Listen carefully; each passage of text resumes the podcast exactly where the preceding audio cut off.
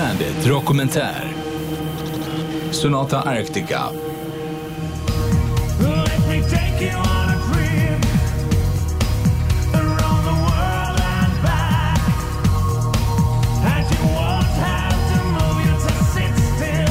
Wow, jag hade inte kunnat sagt det bättre själv. Precis så. Sitt bara där, tyst och lyssna så ska jag, sheriffen, ta med dig på en liten trip. Närmare bestämt en resa i musikens värld där vi ska lägga fokus på de som i min bok är världens bästa band. Ett gäng som blandar dystopiskt djup med lättlallade, okomplicerade prylar. Ett band som får ens hjärna att gå på högvarv i jakten på vad de försöker säga med sina finurliga texter. En grupp som gör att du ser ut som en kiwifrukt när håren reser sig på dina armar till deras fantastiska melodier. Melodier som initialt var full fart framåt men som med åren mynnat ut i en ultimat variation med lekfullhet och oförutsägbarhet som två ledord. Välkomna till denna musikaliska resa som börjar i Kemi, Finland 1995. Tre grabbar i 20-årsåldern varav två gitarrister, Marko Pasikoski och Jani Limatainen och en trummis, Tommy Partimo, startar ett band. Trojkan kallar projektet Tricky Beans. Ett par månader efter att Tricky Beans-projektet sjösatts så ansluter han som ska bli den viktigaste pusselbiten i världens bästa band, Tony Kakko.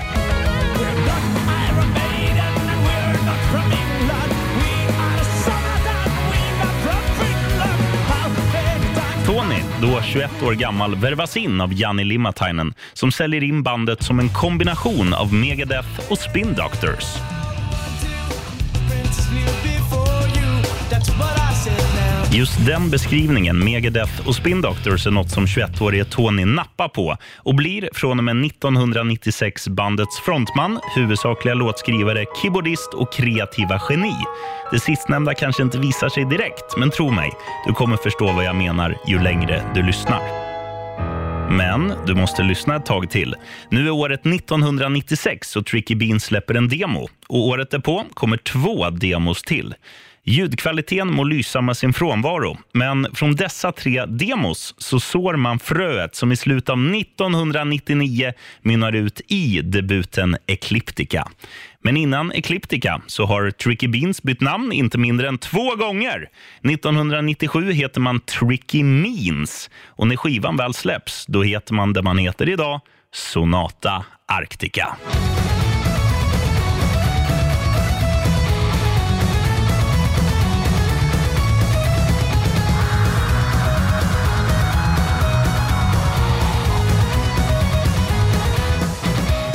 Noterade du att det saknades en basist? För det gjorde det. Men på debuten hette basisten Janne Kivilahti som anlitades just för debuten. Sen tog en av originalmedlemmarna, Marko Pasikoski, M förlaget och bytte gitarren mot basen. Debuten Ecliptica som släpps den 22 november 1999 är en melodisk power metal-platta med ganska okomplicerade texter där majoriteten av låtarna går i full fart med undantag från två halvlugna historier. När bandet skulle ut och turnera på plattan så märkte Tony snabbt att han inte kan kombinera sången och keyboardspelandet live. Så en man vid namn Mikko Herkin plockades in bakom keyboarden under bandets liveframträdanden så Tony kan fokusera på det han gör allra bäst, sjunga och showa.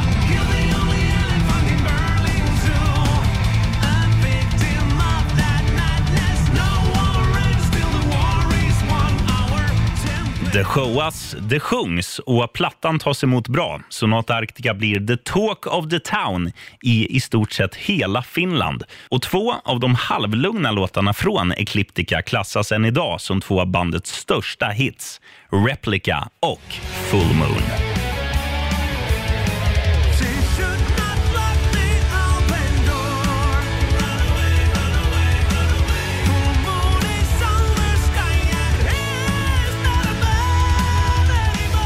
Soundet från dessa två spår sätter tonen för nästa skiva som blir något lugnare än debuten. Sonata Arcticas andra alster får namnet Silence Och här börjar också frontmannen och textförfattaren Tonys uppfinningsrikedom synas mer frekvent. Öppningsspåret är egentligen bara prat på ett syntackord där texten lyder “It truly makes the most beautiful music. Everything it has to give. It's everywhere hiding the listener. Without it I could not live.” Silence. Efter detta konstaterande att tystnad ibland kan vara lika underbart som en oxfilé med bearnaisesås så rullar skivan vidare med Web Allergy och False News Travel Fast som spår 2 och 3. De här två påminner om debuten, men sen kommer The End of This Chapter som fjärde spår. Låten har egentligen allt som en Sonata Arctica-låt ska ha. Variation, lekfullhet i form av ett telefonsamtal, tempobyten och en underhållande lyrik som handlar om en stalker, om man ska hårdra det. Storyn flörtar lite med filmen Scary Movie, en film som egentligen är kass, men likväl en film som föll en då finnig 15-årig sheriffen Larsson i smaken. Tonys eminenta förmåga att skapa texter med både innebörd och djup märks också tydligt på 11 minuter långa The Power of One som är som en berg och dalbana rent musikaliskt. Låten handlar om människors lika värde om man ska komprimera ner 11 minuter till tre ord. Ingen människa är satt till jorden för att slava, ingen är bättre än någon annan och så vidare. Just det här, att människor är lika mycket värda, det är något som Sonata Arctica ofta betonar. Dessutom lyfts människans dumhet upp för första gången på denna skiva i låten Respect the Wilderness, där Kemi-kvintetten försöker lyfta det faktum att vi utplånar vår egen planet, vår enda planet, jorden. Just denna mänskliga dumhet, eller egoism, kalla det vad du vill, kommer återkomma mer frekvent under bandets senaste plattor. Men vi ska ju också beta av platta tre i ordningen. En skiva som såg dagens ljus 2003 och fick namnet Winter Hearts Guild. Mikko Herkin hade inför Winter Hearts Guild valt att tacka för sig och bandet gavs ut på jakt efter en ny keyboardist. Efter ett gäng audition så tog bandets frontman Tony Kakko ett beslut som inte blev långvarigt. Han tog återigen på sig rollen som bandets keyboardist och hans musikalitet skojar man ju knappast bort. Lyssna på det här. Känner du? Alltså, vilken feeling det är i Tonys pianoklinkande. Det här är introt på Graven Image, spår 2 på tredje fullängdaren. Tony han briljerar även på balladernas ballad The Misery och avslutande Draw Me. Däremellan så är det ganska mycket som påminner om debuten med raka rör i både Victoria's Secret, The Cage och Silver Tongue. Någonting som däremot skiljer sig väldigt mycket från debutplattan det är Tonys textförfattande. Nu är det mycket jag skriver så här, men jag menar egentligen det här. In every single corner you cannot turn right. Det är en textrad ifrån Vickans hemlis och betyder som du säkert förstår inte i varje kurva kan du inte svänga höger, utan mer varje val du tar kan inte bli rätt.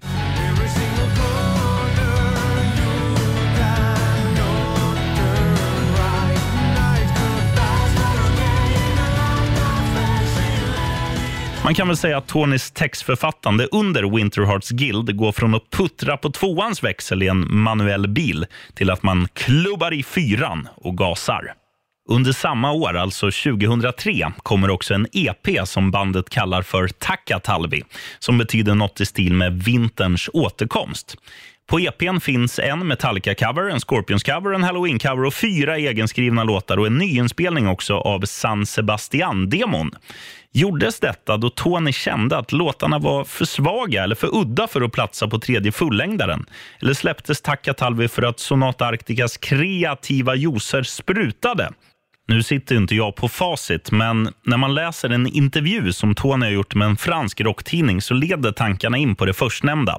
Alltså att låtarna var för udda för att platsa på Winter Hearts Guild. Tony säger då i den här intervjun att i början på karriären så skrev man väldigt, väldigt många demos som bandet sen fick ge sin feedback på. Och i ett senare stadie av karriären så gjorde Tony så att krävs det tio låtembryon så gör jag tio låtembryon och så bygger vi utifrån det.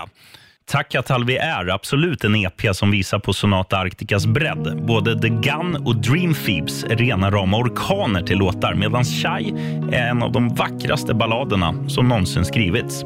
Den handlar om en kärlekstörstande man som besöker ett café för att förföra en av servitriserna. Men det finns ju en viktig ingrediens i det stora förförarprogrammet som den här kärlekstörstande mannen saknar. Och det är mod are beautiful. Can you feel my eyes on you? I'm shy and turn my head away. Efter Takatalvi så kvarstår samma problem. Det är att Tony inte vill kombinera och spela keyboard och sjunga live. Så han träffar en man som heter Henrik Klingenberg. En 24-årig ålänning som man skulle kunna beskriva som en kombination av Michelangelo från tecknade serien Turtles och Beethoven eller valfri annan tonsättare som håller yppersta världsklass. Henrik är en levnadsglad ung man med en otrolig förmåga att hitta ljud på sin keyboard eller kitar som ger en känsla av att man nästan svävar. Tony introducerar Henrik för de övriga bandmedlemmarna och tycke uppstår direkt. Så pass mycket att de känner att nu måste vi göra en platta med Henrik. Och snabbt går det. På bara någon månad har Kemigrabbarna kokat ihop 11 låtar som blir bandets fjärde fullängdare. Skivan får namnet Reckoning Night och här börjar ett mer dystopiskt Sonata Arctica ta form. Misplaced, Blinded No More och Ain't Your Fairy Tale heter de tre första låtarna på skivan. Och bara genom att nosa på dem så känner man att ja, det finns ett genomgående mörker i detta mästerverk. Lekfullheten finns dock också kvar i låtar som The Boy Who Wanted To Be A Real Puppet, en Pinocchio-liknande story med en twist på slutet. Sham and the Lie, som låt 10 heter, är också typiskt Sonata Arctica, som gör ett tjejnamn av skam och en lögn, alltså Shame and a Lie.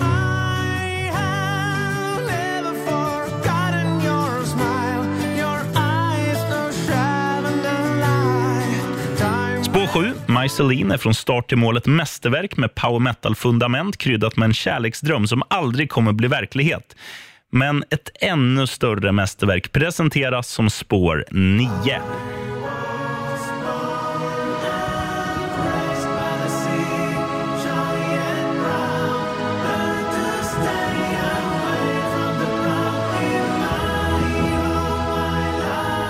White Pearl, Black Oceans heter den och handlar i grova drag om en fyrvaktare som faller pladask för en tjej under nyårsaftonsnatten.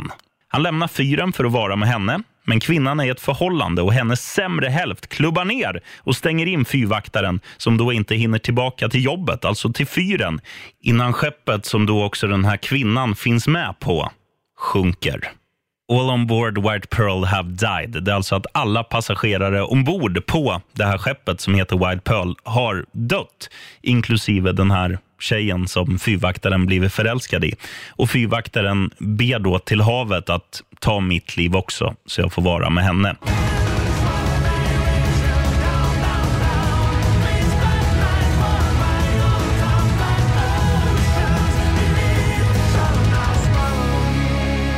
När jag hörde den här låten första gången tänkte jag att bättre än så här kan det inte bli, rent storymässigt. Men det blir det. Men du får sitta lugnt i båten, på tal om båtar, fram till 2016 först. Men än så länge är det ju ett helt decennium dit. Nu är vi framme vid år 2006 då bandet släpper sin första liveskiva, For the sake of revenge, och en Best of-platta. De här två skivorna hinner knappt se dagens ljus innan en av grundarna, gitarristen Jani Limatainen, hoppar av Sonata Arctica då han rycker in i den finska militären. Det är i alla fall storyn eller förklaringen från början. Men det visar sig vara lite annat som ligger bakom det här avhoppet. Enligt Janni så handlar det om eh, trytande motivation. Han ville påverka bandets kreativa process, vara mer involverad i låtskrivandet och att han inte heller gillade soundet på plattan de nu satt och mastrade. En platta som skulle få namnet Unia. De övriga bandmedlemmarna står i andra ringhörnan och menar att Jani betett sig illa, omoget och själviskt. Och Tony säger så här om Jani-incidenten. First of all, we knew that he won't be able to do any touring during this year. Because of his civic, Civil service shit, Yeah. you know, and he he got in a lot of problems with that. He didn't do anything basically. So he didn't. You have an obligation to take care of that thing in, in one of the few ways you have. You either go to army, civil service, jail, or then see a shrink and get a paper that you don't have to go at all, do anything. You're a free man. So, uh, but he didn't do anything. Uh, we tried helping him in, uh, in the last half year before we had to kick him out. But uh, I don't know. He, he got a lot of different problems, and I, I don't know. But there's no reason for anybody to be really sad about this thing because uh, Yanni's doing better now. I heard. I haven't seen him, the guy, in like a few months now. Den enes död, den andres bröd. Eller vad var det de gamla grekerna sa? Efter ett par auditions så plockas Elias Viljanen, också känd som E-Will, in och blir en permanent pusselbit i Sonata Arctica.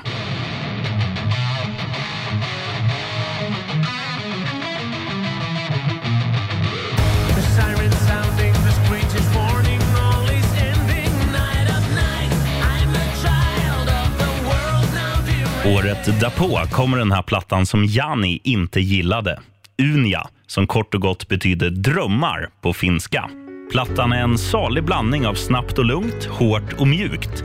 Men det sker också en cool grej på den här skivan. Det är att spår 8 blir synonymt med det udda spåret. Spår 8 på den här plattan heter My Dreams But A Drop of Fuel for a Nightmare och handlar om en tankeresa med diverse olämpliga preparat i kroppen. Du kan ju lyssna på refrängen.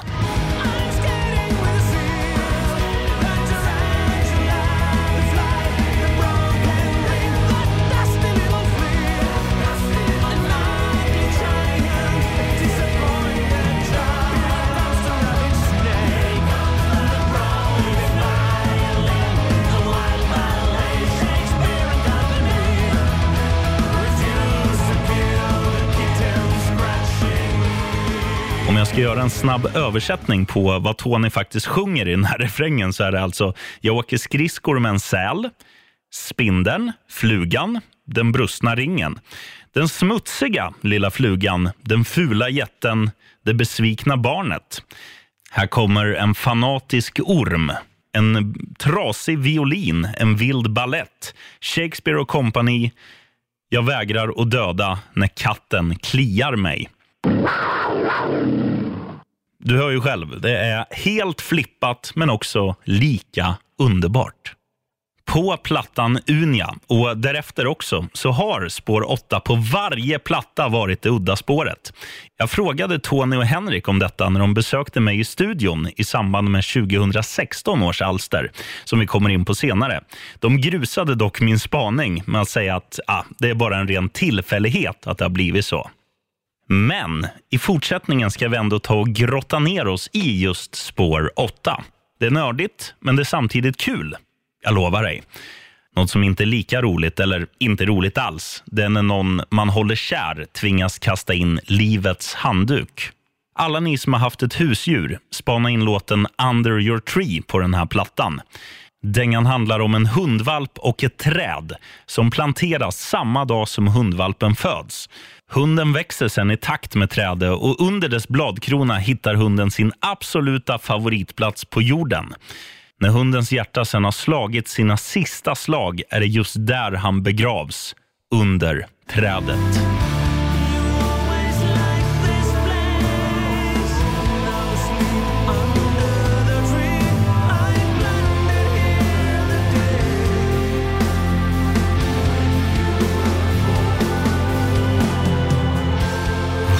Eh, så man själv får tårar i ögonen. Man vet att man har en liten hund där hemma. Skivan Unia kommer även i en digipack-utgåva med en extra låt och en japansk med hela tre extra låtar. Ett av spåren på Japanpressen, To create a warlike feel, där får man också höra under ett tiotal sekunder att bandet sjunger på sitt hemspråk för första och hittills enda gången i karriären. Udda, lekfullt, ja, Sonata Arctica. Ett annat litet tips gällande plattan Unia det är till dig som har alldeles för mycket fritid. Om du studerar skivans omslag så sägs nämligen Caleb finnas där. Och vem är då Caleb? Jo, det är den onde fadern som skivans sjätte spår handlar om. There is a man in this world who has never smiled. You may know his tragedy, the later years, by heart. In the beginning, there was a mother, father, and a child. A troubled little silent boy whose life they were to destroy. Known to us from this day on by his father, Caleb. Året är nu 2009 och plattan The Days of Grace släpps. Grace då som i De gråa. Och det här är definitivt Sonata Arcticas mest tempofattiga album. Det är väl egentligen bara första singeln, Flag in the Ground, som påminner om bandet som tio år tidigare släppte plattan Ecliptica. Skivan är absolut inte snabb, men den är svulstig. Likt en köttfärssås som bubblat väldigt länge och långsamt med rödvin som bas. Jag personligen älskar verkligen den här skivan, men de som fastnade för power metal-sonata, de står ju i andra ringhörnan och bandet får för första gången i karriären ducka en mindre hatstorm när fansen anser att de har blivit ett progressivt metalband. Självklart så är det ju förståeligt med tanke på att bandet har bytt stil, nästan helt. Men samtidigt så är det en utvecklingsmetamorfos som bandet har gått igenom. Och det finns väl ingen människa där ute som med handen på hjärtat kan säga att jag vill bara stå här och stampa på samma ställe livet ut. I en intervju med en fransk rocktidning så beskriver Tony och Henrik den här förändringen med tre ord. Vi har mognat. Och så här låter det när man översätter Tonys ord till den här franska rocktidningen. Debuten var egentligen en förlängning av våra demos. Vi tänkte inte, vi bara gjorde. Nu skriver vi musik baserat på hur vi mår och hur vi vill låta. Vi är inte AC/DC som kan låta likadant hela tiden och ändå kännas aktuella. Vi behöver uppdatera och förnya oss för att vara intressanta och det försöker vi att göra hela tiden. Några guldkorn som jag kan rekommendera från The Days of Grace det är spår 3 som heter The Last Amazing Grace. Den handlar med stora penseldrag om åldrande och att den sista gyllene generationen är på väg att dö ut. De räknar mer eller mindre med att den mer egocentriska generationen som nu huserar på jorden kommer leda oss mot en inte allt för ljus framtid. Det finns lite andra godsaker på den här skivan också. Spår 6 är en politisk känga till de som då styrde över Finland. Låten heter kort och gott Zeros, alltså nollor. På dängan med namnet No Dream Can Heal a Broken Heart där gästas man av Johanna Kurkela som tillsammans med Tony sjunger en magnifik duett. Detsamma kan man säga om spår 2 på skivan som heter Death Aura där Johanna återigen agerar sparringpartner till Tony.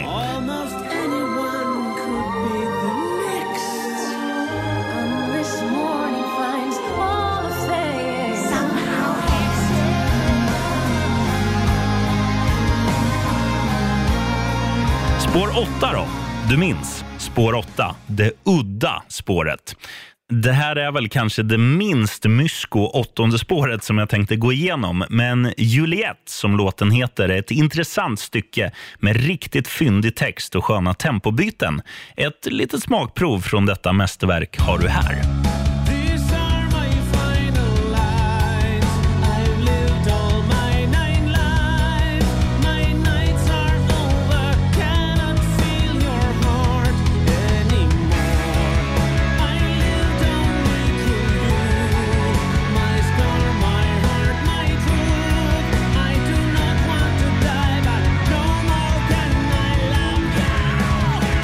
Samma låt, Juliette alltså, och en handfull andra spår från skivan görs även i en orkestral tappning. Och japanerna jublar då den japanska Days of Grace-utgåvan innehåller två extra spår kontra den europeiska releasen.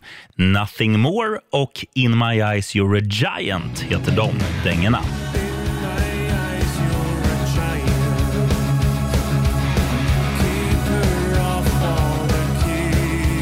Året efter The Days of Grace släpper Sonata Arctica Songs of Silence. En liveskiva som i ärlighetens namn har ganska knackigt ljud. Men den flörtar med old school Sonata-fansen då skivan nästan enbart innehåller låtar från de två första skivorna. Liveskivan som kommer året därpå, alltså 2011, den håller däremot riktigt hög klass rent ljudmässigt. Och Live in Finland, som den heter, blir också en live-DVD som tas mycket väl emot av fansen. På den här skivan som spelades in den 15 april 2011 på Teatria i Uleåborg så är det mestadels nyare låtar som levereras klanderfritt och det bjuds också på ett lägereldsparti där ett fullskaligt gig under tre låtar övergår till något väldigt vackert, nämligen ett akustiskt set vid en lägereld. Wow! Nina, my darling, I'm writing to you. Cause your father passed away. It was a beautiful day. And I don't want to bother you. 2011 blir 2012 och Sonata Arctica släpper plattan Stones Grow Her Name. En ganska mörk skiva som flörtar med döden och i vissa fall också psykisk ohälsa och tragiska människoöden. På denna skiva är det full fart framåt initialt innan I have a right kommer som femte spår.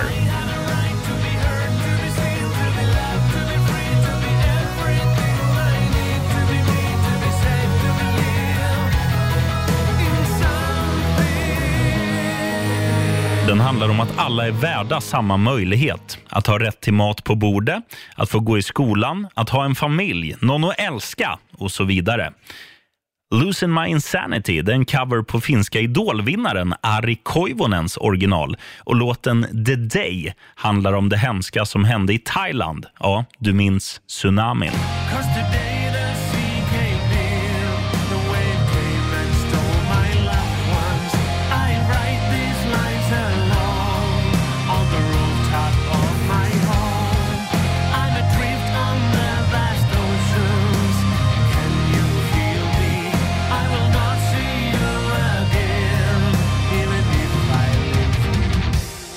Hemskt. Så vi snackar om något roligare istället. Fokus igen på spår 8. Du minns.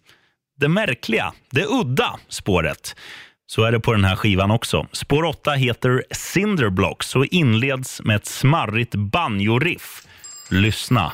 Ooh la la.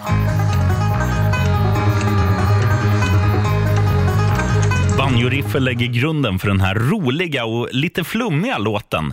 Den handlar om en fånge, ja, en kriminell, som i fängelse träffar en glädjeflicka. Hon har visserligen varit med varenda fånge, alltså honk honk, pök pök med varenda fånge. Men fången som Sonata Arctica sjunger om här, han tror ändå inte att han kommer klara sig på utsidan, alltså bli en fri man, då saknaden efter den här glädjeflickan kommer bli alldeles för stor.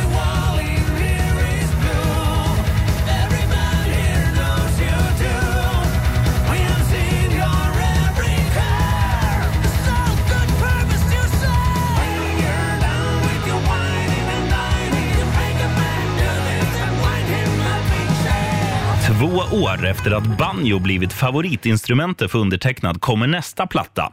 Skivan får namnet Pariah's Child och omslaget kröns med en stor varg. Just vargen blir ett återkommande tema på det som jag skulle kalla för deras djupaste platta. The Wolves Die Young heter öppningsspåret som också blir första singeln ifrån plattan. Och här målas vi människor upp som tyranner då vi vill åt vargarnas päls för att klä oss som kungligheter.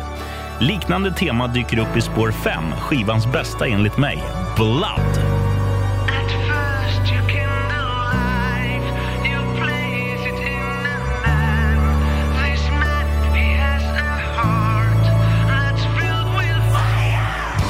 Och då är vi här igen, att Sonata Arctica betonar att alla är lika mycket värda. Och inte bara människa versus människa, utan också människa versus djur. Låten inleds med att förklara att vargarna är precis som vi människor. De föds, de hittar en partner, de skaffar ett hem, de förökar sig och de skyddar varandra. Men människan ser sig själv också som högre rankad i näringskedjan och vargen dödas. Det är hemskt, men det är sant. Desto gladare tongångar är det i X marks the spot som är spretig, flummig, underbar och självklart spår 8 på plattan. On.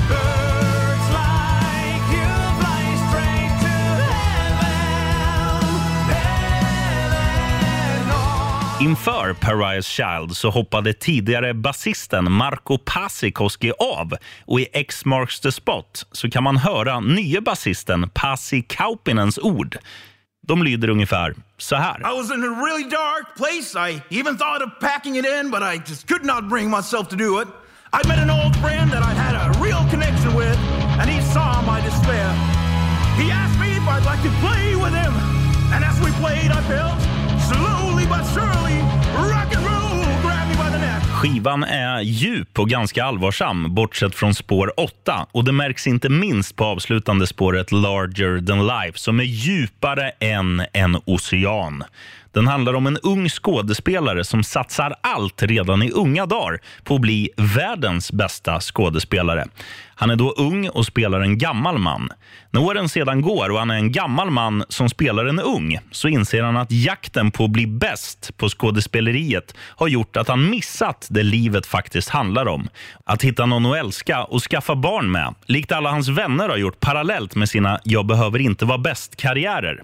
Låten är magisk från start till mål och under de tio minuterna som Larger than life smeker ens trumhinnor så har man upplevt både power metal, prog och till och med Peter Jöback. En AV med rätt skön kombo med facit i hand. I climb up on the stage, wearing an old man's face.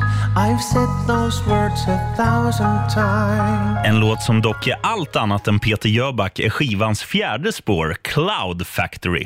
Där hittar vi lite intressant kuriosa. Sonata Arcticas trummis Tommy Partimo hade svårt med att få till ljudet när låten skulle gå in i ett klappvänligt parti. Bandet slog sina kloka och eventuellt salongsberusade huvuden ihop för att hitta drömsoundet till detta klappvänliga parti. Och den briljanta idén att slå händerna på sina skinkor kläcktes. Ja, de spelar alltså på sina arslen. Resultatet hör du här.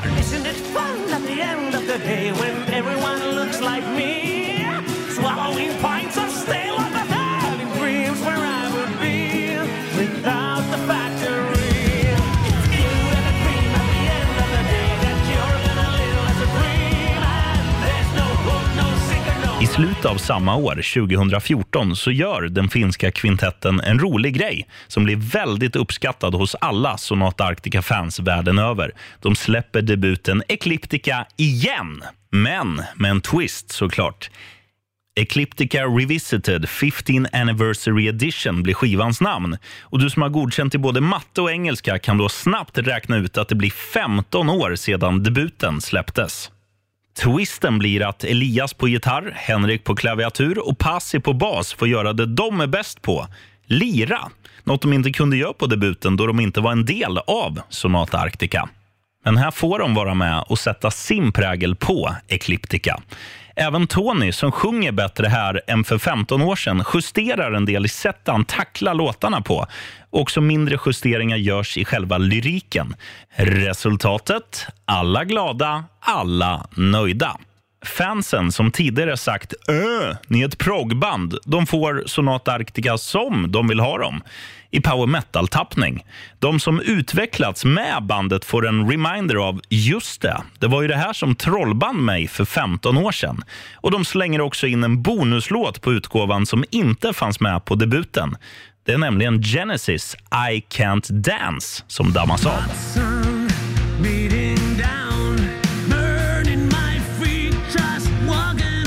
15-årsutgåvan av Ecliptica ger Sonata Arctica arbetsro och under 2015 sätter processen med att skapa nästa album igång.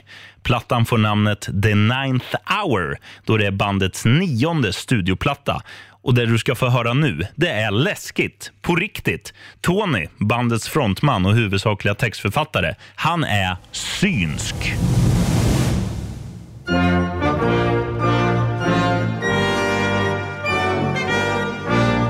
Vet jag det då? Jo, den 7 oktober släpps The Ninth Hour. Notera, 7 oktober 2016. Donald Trump blir vald till USAs president den 8 november samma år. Det är alltså en månad och en dag här emellan. Men trots att Hillary Clinton var favorit till att som första kvinna någonsin bli USAs 45 president så visste Tony att Trump kommer bli den som vinner det amerikanska valet.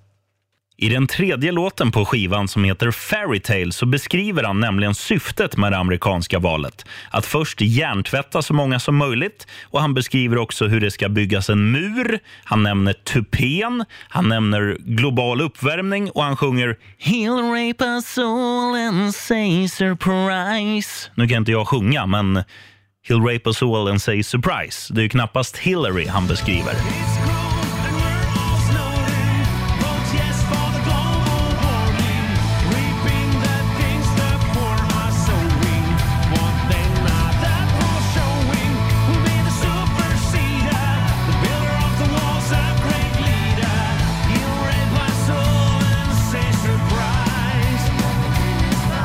Hela skivan är i stora drag ganska dystopisk. We are what we are handlar om att vi bryr oss mer om oss själva än de som ska ärva jorden efter oss. Och första singeln, Closer to an animal, handlar om att vi har all teknik vi behöver. Vi kan flyga runt jorden, vi kan lagra data i moln och vi kan retuschera fram en smilegubbe på månen. Men vi använder inte vårt kunnande till något som i slutändan gynnar mänskligheten. Istället avslutas låten med följande textrad. What a wonderful gift our mind is, but why am I using it to destroy this beautiful planet, my only home? If it defines me, if it makes me human, I need to get closer to my inner animal. Stora delar av The Ninth Hour följer samma röda dystopiska tråd, men vi hittar några få undantag. Spår 2 till exempel, Life, är egentligen en underbar låt som bara andas glädje. Här är lyriken allt annat än komplicerad och lev livet, jubla när ditt lag gör mål och sjung när du mår bra gör att skivan får en skön dynamik när djup och enkelhet förenas.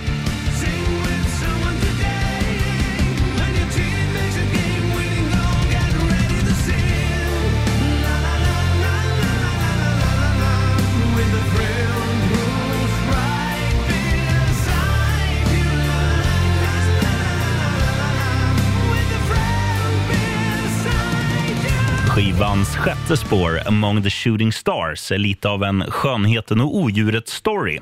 Det handlar om en man som blir förvandlad till en varulv och för att han ska få återgå till att bli människa så måste han hitta sitt livs kärlek och kyssa henne innan den sista snöflingan som finns i en sån här liten snöglob fallit till marken.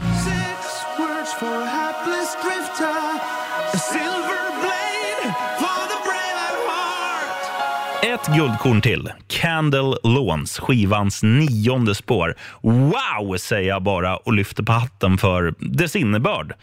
I korta drag handlar den om två grabbar som växer upp tillsammans och blir bästa vänner. De rycker in i kriget också tillsammans och en av dem blir träffad och vet att snart är mitt liv över.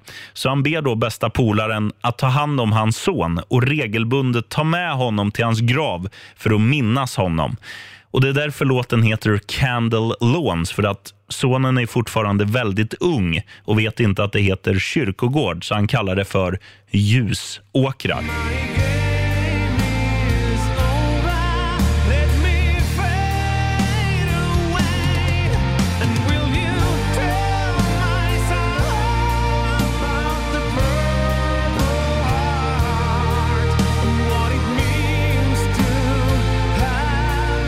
Det bättre än så här? Nej, men ändå kanske. För på The Ninth Hour så finns också det som gjort så att tusentals ögon tårats av bara tanken. Det finns ju en uppföljare på kioskvältaren från 2004, White Pearl Black Oceans. Du minns väl? Den om fyrvaktaren och skeppet som sjönk. Snyggt. Dess uppföljare är lika pampig som föregångaren men storyn går nu mer i dur än moll. Fyrvaktaren spelar huvudrollen här med, men slutet är lika oväntat som det är briljant dikterat. White Pearl Black Oceans Part 2, eller By the Grace of the Ocean, är, som så mycket annat Sonata Arctica gjort, en låt som man måste plöja igenom ett tiotal gånger för att förstå uppbyggnaden, helheten och magnituden med deras musik. Det Tony, Henrik, Tommy, Elias och Passi lyckas åstadkomma år efter år, platta efter platta, gör mig både fascinerad och imponerad. Man skulle väl kunna jämföra Sonata Arctica med en förälskelse. Det finns en chans till romans då fundamentet i deras musik tilltalar dina öron. Under era första dejter väcker de ditt intresse genom att svara bra på dina frågor och funderingar och ni har kul ihop. När du sen lär dig känna dem lite bättre, alltså när du fördjupar dig i deras texter och dess innebörd, så inser du att de är människor med hjärtat på rätta stället och att det här är ett band som du gärna spenderar väldigt mycket tid med.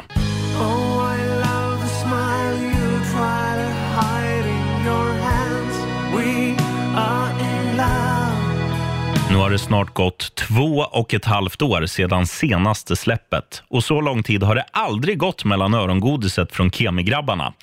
Anledningen till detta med Sonata Arctica-mått med ett långa uppehåll var länge okänd. Men i samband med att datumen till den akustiska turnén som de nyligen avslutade, när de datumen släpptes efter bland annat ett besök i Stockholm den 14 mars, så droppade keyboardisten Henrik följande info. We have been locked up in the studio since the end of summer working on our next studio album and decided we needed to take a break and go out and play some shows.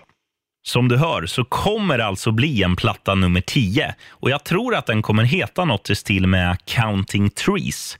Anledningen till det är att frontmannen Tony under vintern filmat träd och varje gång skrivit något i stil med Counting Trees Again på sina sociala medier medan han pillemariskt blickade ut genom fönstret på ett tåg någonstans i de finska skogarna. Men när kommer den släppas då? Ja, med tanke på Henriks uttalande att de faktiskt har jobbat på den under en längre tid så tror jag att det mesta är klart.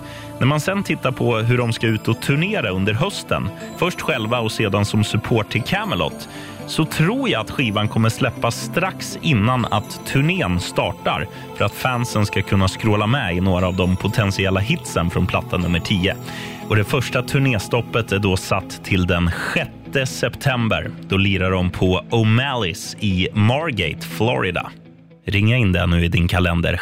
6 september. Och sen säger vi så här. Njut av sommaren. Grilla flintastek, bada näck, drick öl, kasta dart och griljera ditt yttre med solens strålar.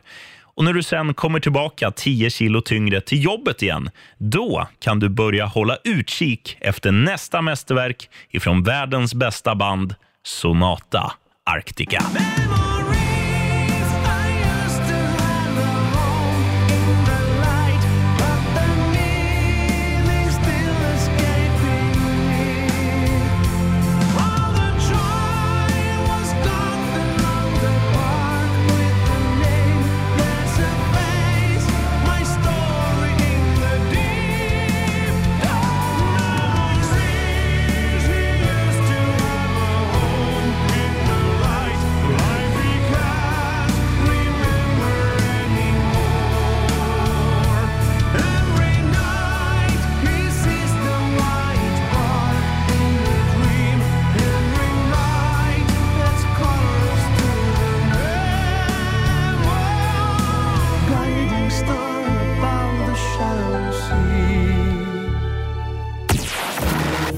Bandit Dokumentär, Sonata Arctica, produceras av I Like Radio av Sheriffen Larsson.